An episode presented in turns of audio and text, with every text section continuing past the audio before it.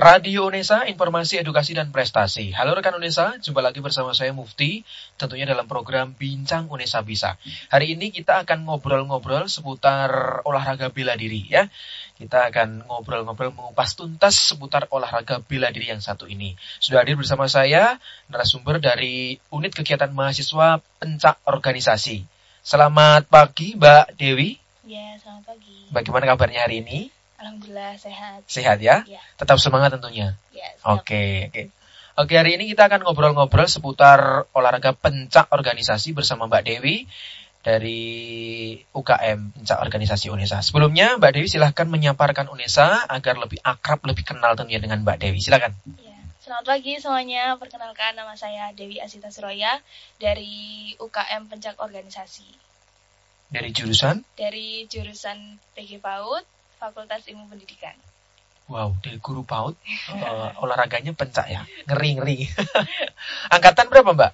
Angkatan 18. Angkatan 2018. Oke, sebelumnya bisa dijelaskan pencak organisasi itu seperti apa sih Mbak sejarahnya mungkin dan perbedaannya dari olahraga-olahraga pencak silat yang lain. Silakan. Iya. Eh, sebelumnya pencak organisasi ini didirikan oleh almar- almarhum Bapak Imam Sujai yang berdiri di Kabupaten Lumajang pada tanggal 27 Agustus 1927. Terus pencak organisasi ini dulunya awalnya itu eh, dibuat hanya untuk pelatihan bela diri dalam keluarga turun menurun gitu dalam keluarga. Tapi seiring berjalannya waktu itu eh, jadi pencak organisasi ini di apa ya disebarkan di seluruh daerah-daerah di Indonesia gitu.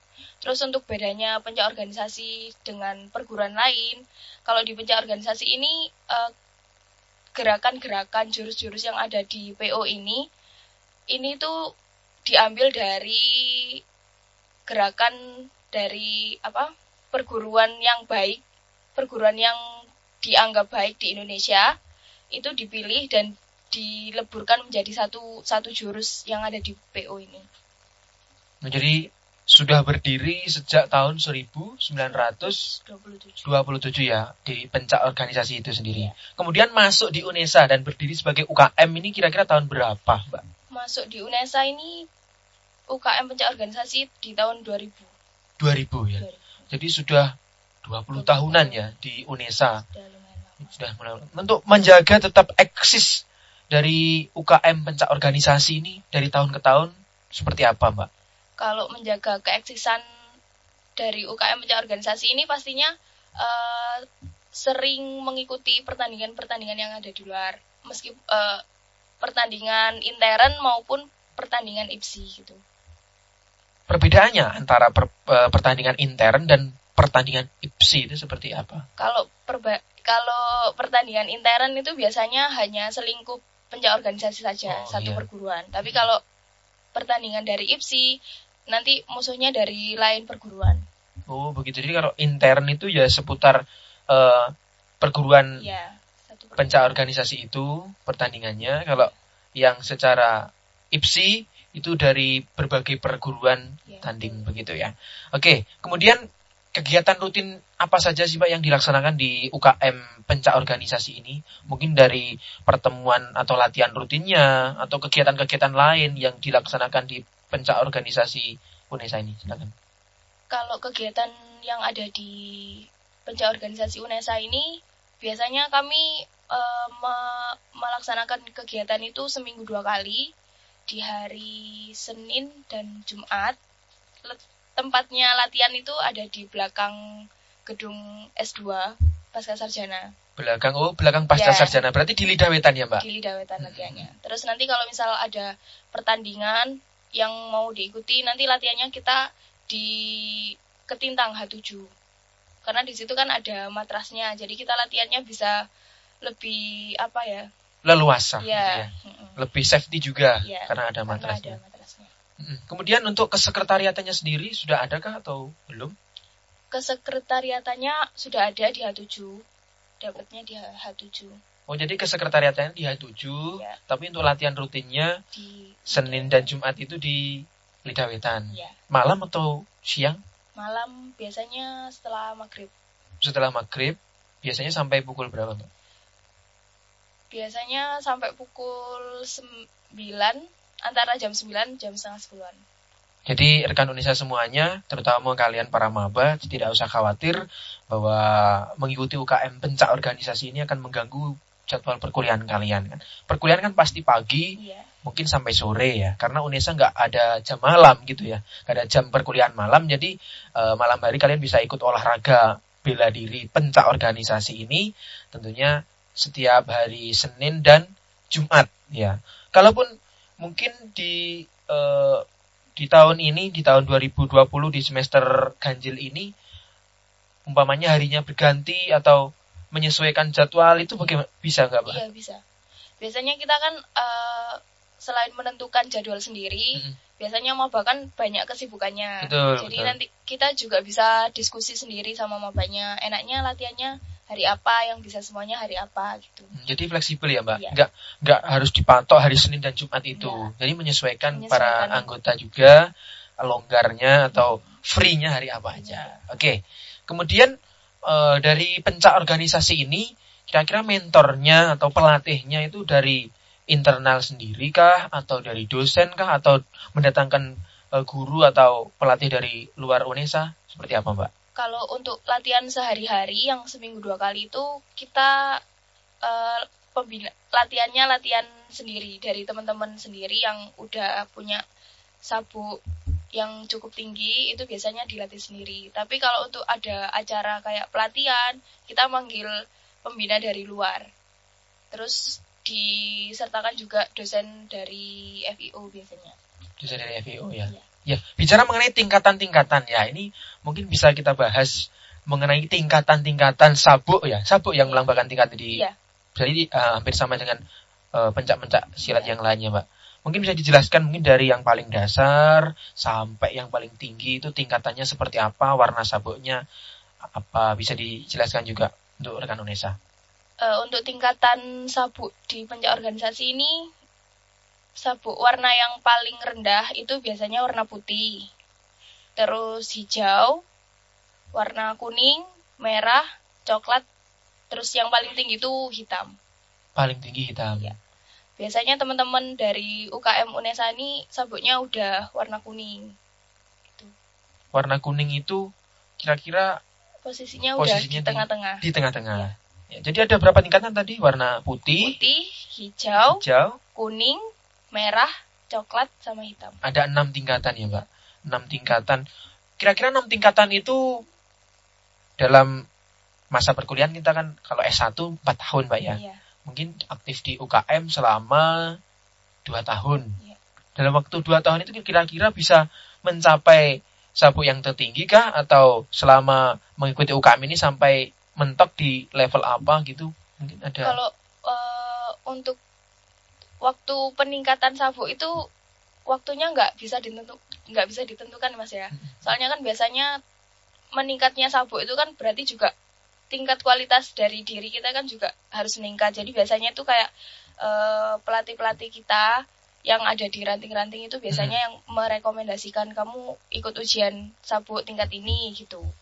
Jadi apa nggak bisa misal dua tahun harus dapat sabuk apa gitu kayaknya nggak bisa dipatok gitu Hmm, jadi jadi kalau progresnya bagus ya mengikuti ujian lolos ya bisa, Bisa, naik uh, langsung gitu Pak ya. ya. Jadi rekan Unesa semuanya tidak ada patokan bahwa mungkin dua tahun berproses di UKM kalian bisa sampai satu apa itu tidak tidak ada eh, batasannya Mbak ya. ya Kalau progresnya bagus tentunya bersungguh-sungguh kalian mungkin bisa eh, berkembang terus gitu ya Mbak. ya. Kalau dari yang menguji sendiri Mbak itu biasanya di mana ujiannya atau ataukah di UKM kah atau di luar kalau ujian ujian kenaikan sabuk ini biasanya di di luar kampus Hmm, di luar Ya. kampus ya?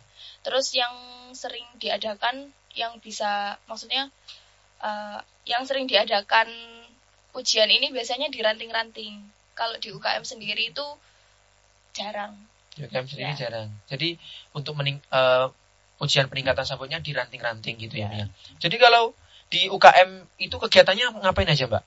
Latihan latihannya mungkin bisa dijelaskan juga latihannya bentuk latihannya seperti apa. Kemudian uh, kegiatan-kegiatan fisik atau pembina dari luar itu datang di sini itu melatih seperti apa gitu bisa dijelaskan? Kalau latihan-latihan biasanya itu yang latihan rutin ya, khususnya buat maba itu biasanya kita latihan awal itu dari gerak dasar jurus tunggal jurusnya IPSI.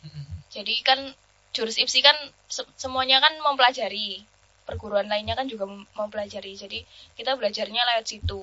Nah, terus kalau misal ada teman-teman ini biasanya apa? Dari maba itu biasanya dari fakultas olahraga, biasanya mereka itu mengikuti apa? Mengikuti UKM ini tuh buat apa ya buat tambahan nilainya mereka gitu loh. Hmm, soalnya soalnya ada matkul gitu ya, mungkin ada ya. Matkulnya. Oh, ya. Jadi kita kita juga membantu mereka uh, buat dapat nilainya itu dilatih sebisa mungkin. Tapi kalau misal mereka mau melanjutkan melanjutkan kayak mau ikut-ikut pertandingan itu juga boleh, boleh melanjutkan gitu. Hmm, jadi uh, saat maba pertama kali masuk itu dilatih gerakan-gerakan dasar ya, itu. gerakan dasar. Hmm. Kalau mungkin maba di SMA sudah ikut, apakah saat masuk di UKM juga dilatih dari awal lagi kah atau mungkin kalau sudah tingkatannya ya. mungkin dari SMA sudah punya tingkat sabuk yang agak tinggi, mungkin tengah-tengah gitu ya. ya. Apakah tetap ikut dari awal kah atau sudah ikut bersama kakak-kakaknya gitu? Iya, biasanya gitu itu kalau pengalaman dari saya ya, tahun dari saya tuh uh, kalau ada teman-teman yang dari ranting itu udah tingkat sabuknya udah lumayan tinggi, kan pasti uh, anggota UKMPO kan pasti juga kenal karena mereka kan dari ranting setiap daerah gitu kan. Yeah. Nah itu biasanya malah apa kayak disuruh bantuin buat ngelatih teman-teman gitu. Hmm, gitu ya. Jadi kalau mungkin rekan Unesa semuanya para maba yang sudah punya bekal di SMA mungkin sudah ikut pencak organisasi dan mungkin sabuknya sudah lumayan tinggi nanti uh, bergabung bersama UKM pencak organisasi ini bisa membantu melatih yang masih tahap awal gitu ya tahap-tahap dasar gitu ya Baik rekan Unesa, masih banyak yang akan kita bincangkan bersama Mbak Dewi tentunya dari UKM Penca Organisasi. Jangan ke mana-mana, tetap di Bincang Unesa Bisa.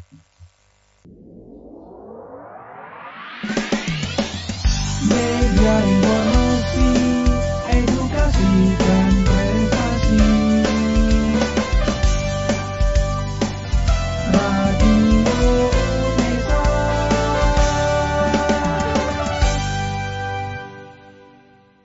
Radio Unesa, informasi edukasi dan prestasi. Masih dalam program Bincang Unesa Bisa, tentunya bersama Mbak Dewi dari UKM Pencak Organisasi Unesa.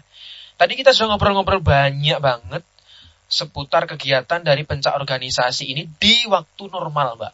Nah, ini kan tahun 2020 ini tahun pandemi COVID-19 yang belum kunjung hilang dari Indonesia ya. Mungkin kegiatan-kegiatan yang berkerumun, bertatap muka dan lain sebagainya sangat-sangat berkurang begitu Pak ya. Dan harus mematuhi protokol kesehatan. Nah, dari UKM pencak organisasi ini sendiri di masa pandemi ini kegiatannya seperti apa Mbak? Kalau di masa pandemi ini ya, sebelum ada Maba 2020 ini, eh, kita masih mempersiapkan untuk kegiatannya besok kalau Maba udah sudah ada itu masih disiapkan. Masih ada rapat-rapat juga.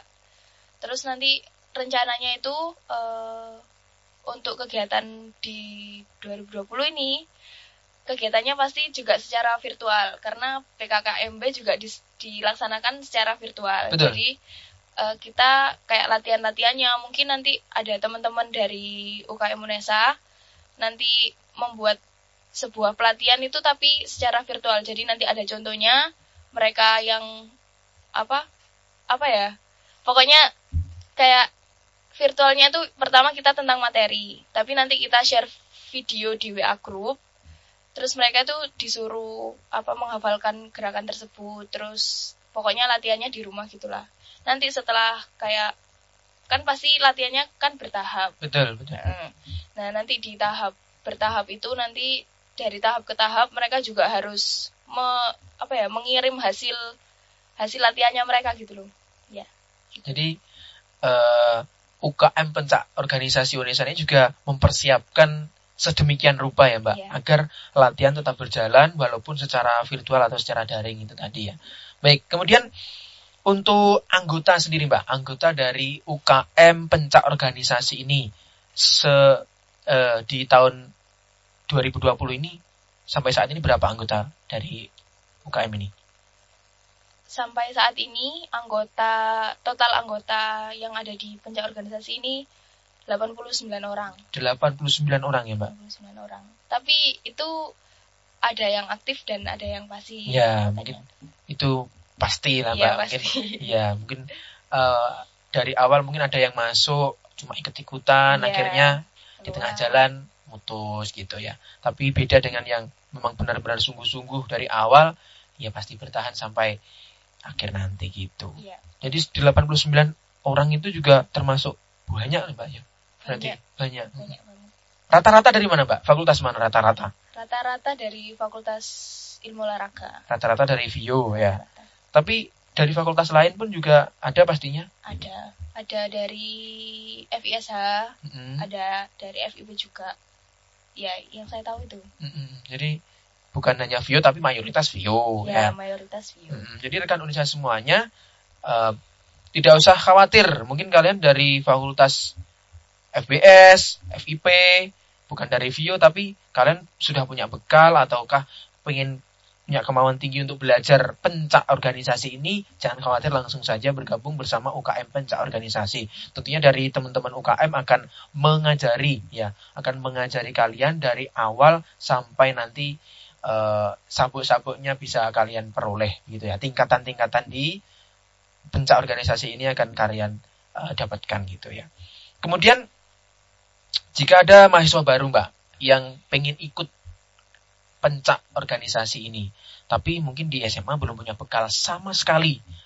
Istilahnya masih awam banget ya dengan pencak. Mungkin tahu pencak saat olahraga saja. Iya. Kan ada pelajaran olahraga, ada pencak silat juga. Mungkin hanya tahunya di sebatas itu saja. Ada nggak Mbak kriteria khusus yang harus dipenuhi dari teman-teman maba ketika masuk di UKM pencak organisasi ini? Kalau persyaratan masuk di UKM pencak organisasi ini nggak ada sih. Meskipun kalian belum ada ilmu apa pun di pencak silat, kami siap menerima teman-teman yang mau belajar pencak silat. gitu. Soalnya kita kan juga eh, latihannya juga kan mulai dari gerakan-gerakan dasar yang yang bisa diikuti lah semua semua apa semua teman-teman yang meskipun itu belum pernah ikut pencak silat sama sekali. Iya, Yang penting punya kemauan, Iya, niat yang ikhlas gitu. gitu. Jadi Bisa. pasti bisa. Gak ada yang mungkin agak sulit, tapi sulit itu bukan berarti tidak bisa ya, Mbak Iya. ya. Sulit itu Betul. bisa asalkan kita mau berusaha begitu. Baik, Mbak Dewi bergabung di pencak organisasi ini sejak kapan, Mbak? Kalau saya sendiri eh, sudah sejak kelas 12 SMA, Kelas 12 sudah bergabung ya. Berarti kelas 3 SMA ya, Mbak. kelas 3. Kelas 3 SMA sudah bergabung di pencak organisasi. Itu pencak di sekolah kah atau ranting daerah kah? Kalau itu saya mengikutinya di ranting daerah. ranting daerah. Jadi sudah sejak SMA mengikuti pencak organisasi ini, Mbak. Mungkin di awal-awal eh, mungkin sharing-sharing ya, Mbak ini. Iya. Di awal-awal Mbak Dewi bergabung di pencak organisasi ini mungkin kesulitan yang dihadapi apa, Mbak? Bisa di-share mungkin maba yang mau bergabung dan masih di tahap awal mungkin bisa mempersiapkan diri Iya. gitu. Kalau kesulitan itu ya mungkin karena gerakan gerakan di pencak silat itu kayak apa ya luas gitu. Jadi buat buat teman-teman yang belum pernah mengikuti pencak silat itu pasti agak kaku. Tapi kalau misal mau dilatih terus-terus, insya Allah pasti juga bakal bisa ngikutin gerakan gerakannya. Gitu. Kalau saya dulu apa ya? Karena ikutnya di ranting, terus di ranting itu teman-temannya tuh masih kayak SMP gitu. Jadi Hmm. saya agak minder. Teman-teman SMP aja udah gerakannya udah, wah hebat banget. Apa saya yang kok telat banget gitu loh ikutnya gitu. Jadi nggak apa-apa meskipun kalian telat mengikuti pencak silat ini, kalau misal berlatih terus-terusan pasti juga bakal bisa nututi teman-teman yang udah punya sabuk-sabuk yang tinggi. Jadi memang latihannya itu harus eh, berkelanjutan Iya. gitu ya, Mbak. Tidak istilah Jawanya itu datnyeng, jadi hadir kadang enggak, Iya, sak logare iya, gitu. Jadi memang harus konsekuen gitu Iya. ya, Mbak. harus konsekuen, harus rutin. Bila mana seminggu dua kali ya hadir dua kali itu. Ya. ya. Oke, itu tadi Mbak eh, Dewi sudah cerita mengenai kesulitan di awal awal latihan dulu seperti apa ya. Mungkin karena kita sudah masa kuliah, mungkin nanti pasti ada kesulitan yang berbeda saat bergabung di UKM. Tapi tidak menutup kemungkinan untuk kalian uh, yang baru bergabung dari awal untuk berprestasi begitu Mbak ya. Yang penting sungguh-sungguh itu tadi. Kemudian selain ilmu mengenai bela diri ya, pencak silat, eh pencak organisasi ini, mungkin ada ilmu lain Mbak yang bisa diperoleh ketika bergabung di UKM pencak organisasi ini. Ilmu-ilmu yang lain. E, kalau di pencak silat ini kan pasti kita belajarnya bukan hanya bela diri, tapi kayak spiritual, seni itu kita pelajari semuanya. Terus e, apa tadi pertanyaan Mas? Selain uh, selain ilmu mengenai bela oh, diri, yeah. ilmu apa yang yeah, kira-kira bisa didapat? Terus ilmu dari organisasi juga kita kan di pencak organisasi ini kan juga ada struktur-struktur organisasinya. Jadi bisa yang eh, teman-teman yang belum pernah mengikuti organisasi di SMA-nya mungkin bisa bergabung di sini belajar bareng-bareng tentang organisasi itu. Jadi selain uh, bela diri, organisasinya juga dapat, ya. ilmu-ilmu spiritualnya Spiritual. juga dapat gitu ya. Jadi rekan unsur semuanya yang ingin belajar bela diri pastinya bersama UKM pencak organisasi ini ya. Tapi juga uh, yang ingin belajar organisasi, memperdalam spiritual, juga bisa kalian dapatkan ilmu-ilmunya bersama di UKM pencak organisasi ini ya. Jadi di uh, pencak UKM pencak organisasi ini kan ada strukturnya, Mbak ya. Yeah. Struktur atau Badan Pengurus Harian BPH. Mungkin bisa dijelaskan BPH atau struktur dari organisasi UKM-nya seperti apa? Kalau uh, struktur organisasi yang ada di UKM pencak organisasi ini uh, hanya BPH saja mas ya soalnya hmm. nggak terlalu mendetail kayak himpunan mahasiswa jurusan gitu yeah, ya jadi cuman ada ketua, wakil ketua, bendara satu dua, sekretaris satu dua. Oh, jadi cuma BPH saja yang lain anggota-anggota yeah. fokus untuk itu tadi ya Mbak menaik tingkat dan lain sebagainya. Oke, jadi kalian yang mau belajar organisasi, kalian juga bisa berkembang bersama UKM pencak organisasi ini. Ya, itu seputar organisasi dan kegiatan-kegiatannya. Kemudian dari UKM pencak organisasi sendiri pernah mengikuti kompetisi kah Mbak? mungkin di tingkat regional, nasional maupun internasional dan mungkin prestasi apa saja yang pernah diperoleh di pencak organisasi ini? Uh, Alhamdulillah ya, pencak organisasi ini setiap tahunnya itu rutin mengikuti pertandingan-pertandingan meskipun intern ataupun di IPSI. Terus prestasi-prestasi yang didapat itu juga Alhamdulillah saya bacakan. Ya, silakan Mbak. bisa dibagikan ke rekan UNESA semuanya. Ya. Jadi anggota pencak organisasi yang pernah berprestasi itu di kejuaraan internasional di Malaysia. Wah, keren. Itu kategori seni tunggal. Terus kejurnas itu kejuaraan nasional seperti kayak Pomda, Pomnas. Yeah terus kejuaraan-kejuaraan intern itu di tahun 2018 itu kemarin juara tiga di UNJ Open juara kategori tunggal putra juara tiga kategori tunggal putra terus peringkat 4 UPSI International Silat Championship di Malaysia juga tang, eh, tahun 2018 tunggal putra juga terus uh, memperoleh tiga emas di Pomda Jatim tahun 2019 kategori tunggal putra, bergu putra dan putri, bergu putra putri. Tuh. Terus ini yang terakhir peringkat 4 Pomnas tahun 2019 kategori tunggal putra. Luar biasa. Jadi uh, eh, UKM pencak organisasi ini sudah melalang buana ya, di iya, seluruh persada ya. Nusantara sampai internasional gitu lah ya. ya. Sampai Malaysia juga. Jadi rekan UNESA tidak menutup kemungkinan untuk kalian bisa berkembang dan bisa menjadi juara-juara berikutnya begitu di olahraga pencak organisasi ini. Jadi kalian yang ingin berkembang, berprestasi, berkontribusi, jangan ragu lagi untuk bergabung bersama UKM pencak organisasi ini. Kemudian untuk kategori-kategorinya tadi Mbak mungkin bisa dijelaskan lebih detail lagi. Tunggal, beregu, yeah. mungkin seni dan lain sebagainya yeah. bisa dijelaskan. Jadi uh, di pencak silat itu biasanya pertandingannya itu ada dua dua jenis. Mm. Yang fighter sama yang seni. Kalau yang seni itu ada seni tunggal, tunggal putra putri, ganda putra putri, beregu putra putri. Nah setiap tiga seni ini itu gerakannya berbeda-beda. Gitu. Terus kalau yang apa? Yang fighter itu biasanya cuma kayak nguji apa ya jurus-jurus yang dilatih di ranting-ranting atau di UKM-UKM gini.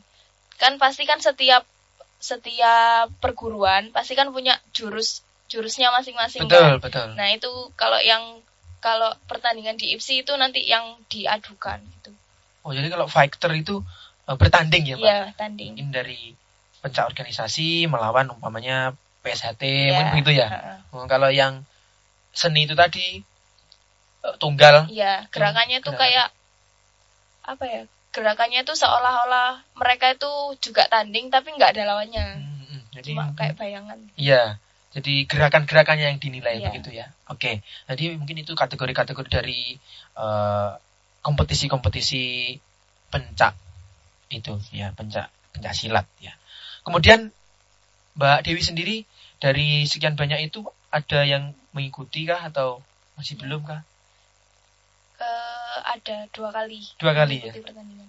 Ya mungkin bisa diceritakan eh, pengalaman-pengalaman saat mengikuti kompetisi itu kalau ikut pertandingan gitu itu kan uh, kebanyakan kebanyakan kan dari ke luar kota jadi Betul. serunya itu di situ kayak nginep bareng-bareng sama teman-teman UKM terus apa dari pagi sampai malam juga ketemunya pasti teman-teman UKM kalau di hmm. pertandingan ya. itu kan terus uh, juga kalau misal mengikuti pertandingan gitu tuh serunya itu kita mewakili dari UKM UNESA ya terus di pertandingan itu ketemu sama teman-teman dari ranting-ranting tiap-tiap daerah yang ada di Indonesia gitu jadi serunya di situ ya Mbak. Yeah. Bisa keliling keliling-keliling di berbagai daerah yeah. untuk perlombaan. Tapi kan sebelum men, me, sebelum mencapai itu semua kan mungkin prosesnya hmm. latihan dan lain yeah. sebagainya mungkin bisa dibagikan juga. Jadi nggak cuma senengnya tok gitu loh. Yeah. Ada ada jatuh bangunnya juga okay. prosesnya bisa diceritakan juga. Kalau biasanya sebelum pertandingan itu pasti difokuskan buat latihan ya latihan bisa kayak seminggu itu mungkin bisa empat kali pertemuan bahkan tiap hari bisa nanti jadwal jadwal latihannya itu juga menyesuaikan sama teman-teman yang mengikuti pertandingan terus teman-teman yang mengikuti pertandingan ini nggak nggak semuanya nggak semuanya diikutkan gitu hmm. kita kan pasti juga pilih yang terbaik dari yang terbaik betul, buat betul. mengikuti pertandingan ini kan iya. gitu jadi mungkin latihannya juga lebih lama, terus porsinya juga lebih berat, waktunya juga ya bisa lah setiap hari itu mungkin bisa dibuat latihan. Hmm, jadi prosesnya juga panjang, yeah. tapi hasilnya juga memuaskan. Yeah. Ya, Oke, rekan Unesa, masih banyak yang kita ngobrolkan bersama Mbak Dewi dari UKM Pencak Organisasi Unesa. Jangan ke mana-mana, tetap di Bincang Unesa Bisa. Media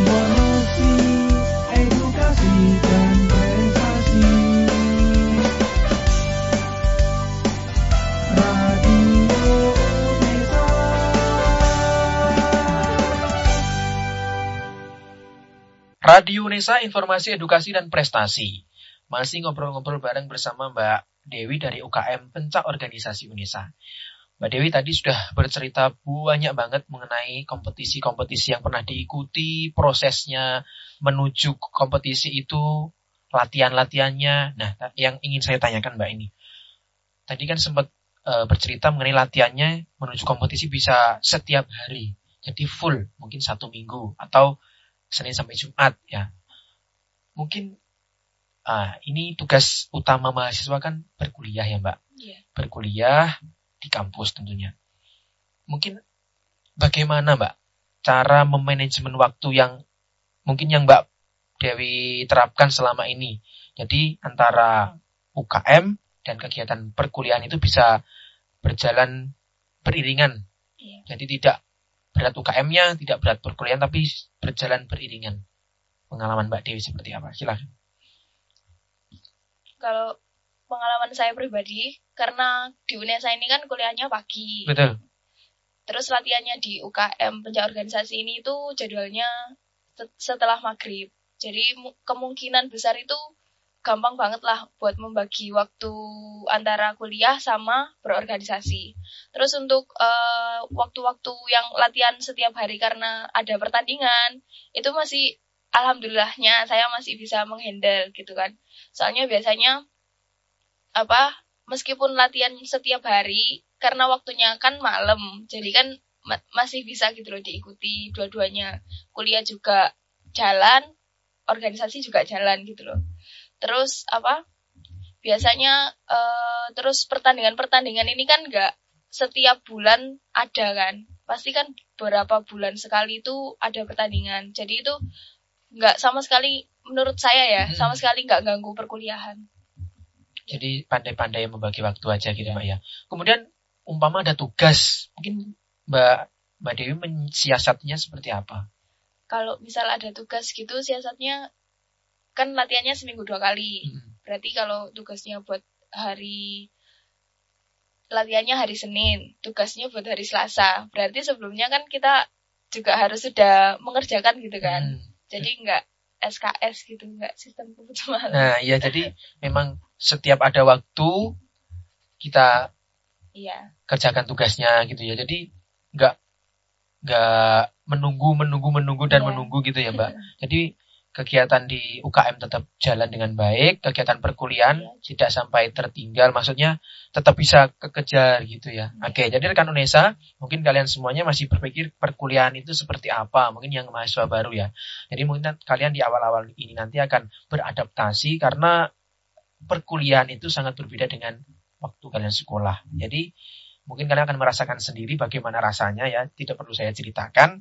Nanti kalian bisa mensiasati sendiri, bisa memanajemen waktu sendiri antara kegiatan di luar perkuliahan dan kegiatan di perkuliahan itu sendiri. Jadi jangan khawatir eh, kegiatan-kegiatan yang kalian laksanakan itu akan mengganggu perkuliahan kalian. Tidak ya, tidak sama sekali. Asalkan kalian pandai-pandai mengatur waktu kalian, memanfaatkan setiap waktu yang kalian miliki gitu ya. Tidak untuk rebahan, berleha-leha saja tapi tetap produktif seperti itu Mbak ya.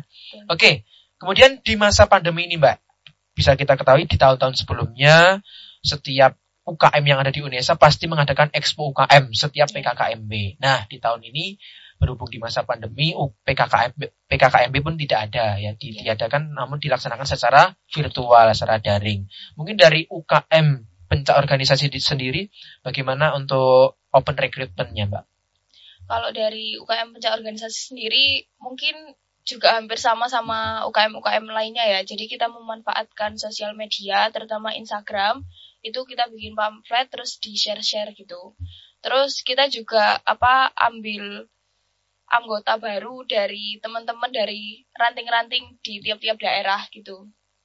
Jadi uh, meskipun nggak ada expo UKM kayak hmm. biasanya, tapi kita tetap bisa ambil anggota-anggota baru dari teman-teman mahasiswa baru. Jadi sudah dihubungi ranting-ranting daerahnya ya. yang siapa saja yang dari atlet-atletnya atau pendekar-pendekarnya itu ya. yang masuk di UNESA nanti dihubungi begitu ya. Mbak ya. Kalaupun nanti para mahasiswa baru yang di SMA-nya atau di ranting daerahnya belum bergabung, bisa langsung kepoin di Instagramnya at pencak organisasi underscore UNESA. Pencak organisasi underscore UNESA. Kalian bisa kepo-kepoin di situ, bisa DM langsung ya Mbak, bisa ya, DM tanya-tanya seputar UKM ini. Mungkin dari perbincangan kita masih ada yang perlu ditanyakan masih kurang jelas. Nanti kalian bisa lebih lanjut DM di Instagramnya @pencak organisasi underscore UNESA ya mengetahui kegiatan lebih jauh mengenai pencak organisasi. Mbak Dewi terakhir nih ya. ada jargon nggak Mbak dari pencak organisasi ini? Ada ada jargon. Gimana jargonnya? Pencak organisasi satukan tekad bela kehormatan pencak organisasi. Oke, saya apa-apa ya Mbak. Ya. Nanti rekan Indonesia di rumah juga bisa mengikuti jargonnya biar tambah semangat lagi ya. Siap Mbak Dewi? Ya, siap. Pencak organisasi. Satukan tekad, bela kehormatan, pencak organisasi. Satu kali lagi ya. Ini tampaknya rekan Indonesia di rumah ini masih bingung, belum semangat. Yuk, satu kali lagi.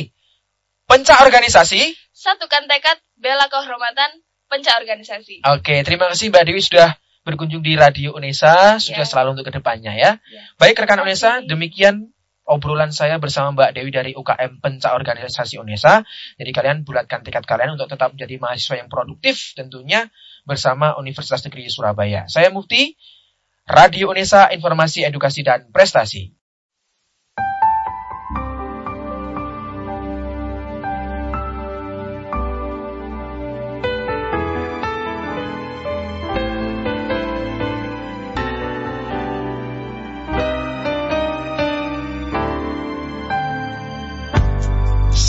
Sejak pertama kita menjalin kisah cinta tak ada yang bisa merubah kisah kita.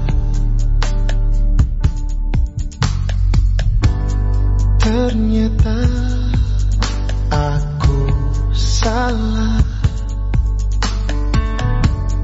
Iman yang berbicara. Tolong aku Tuhan. Mengapa semuanya terjadi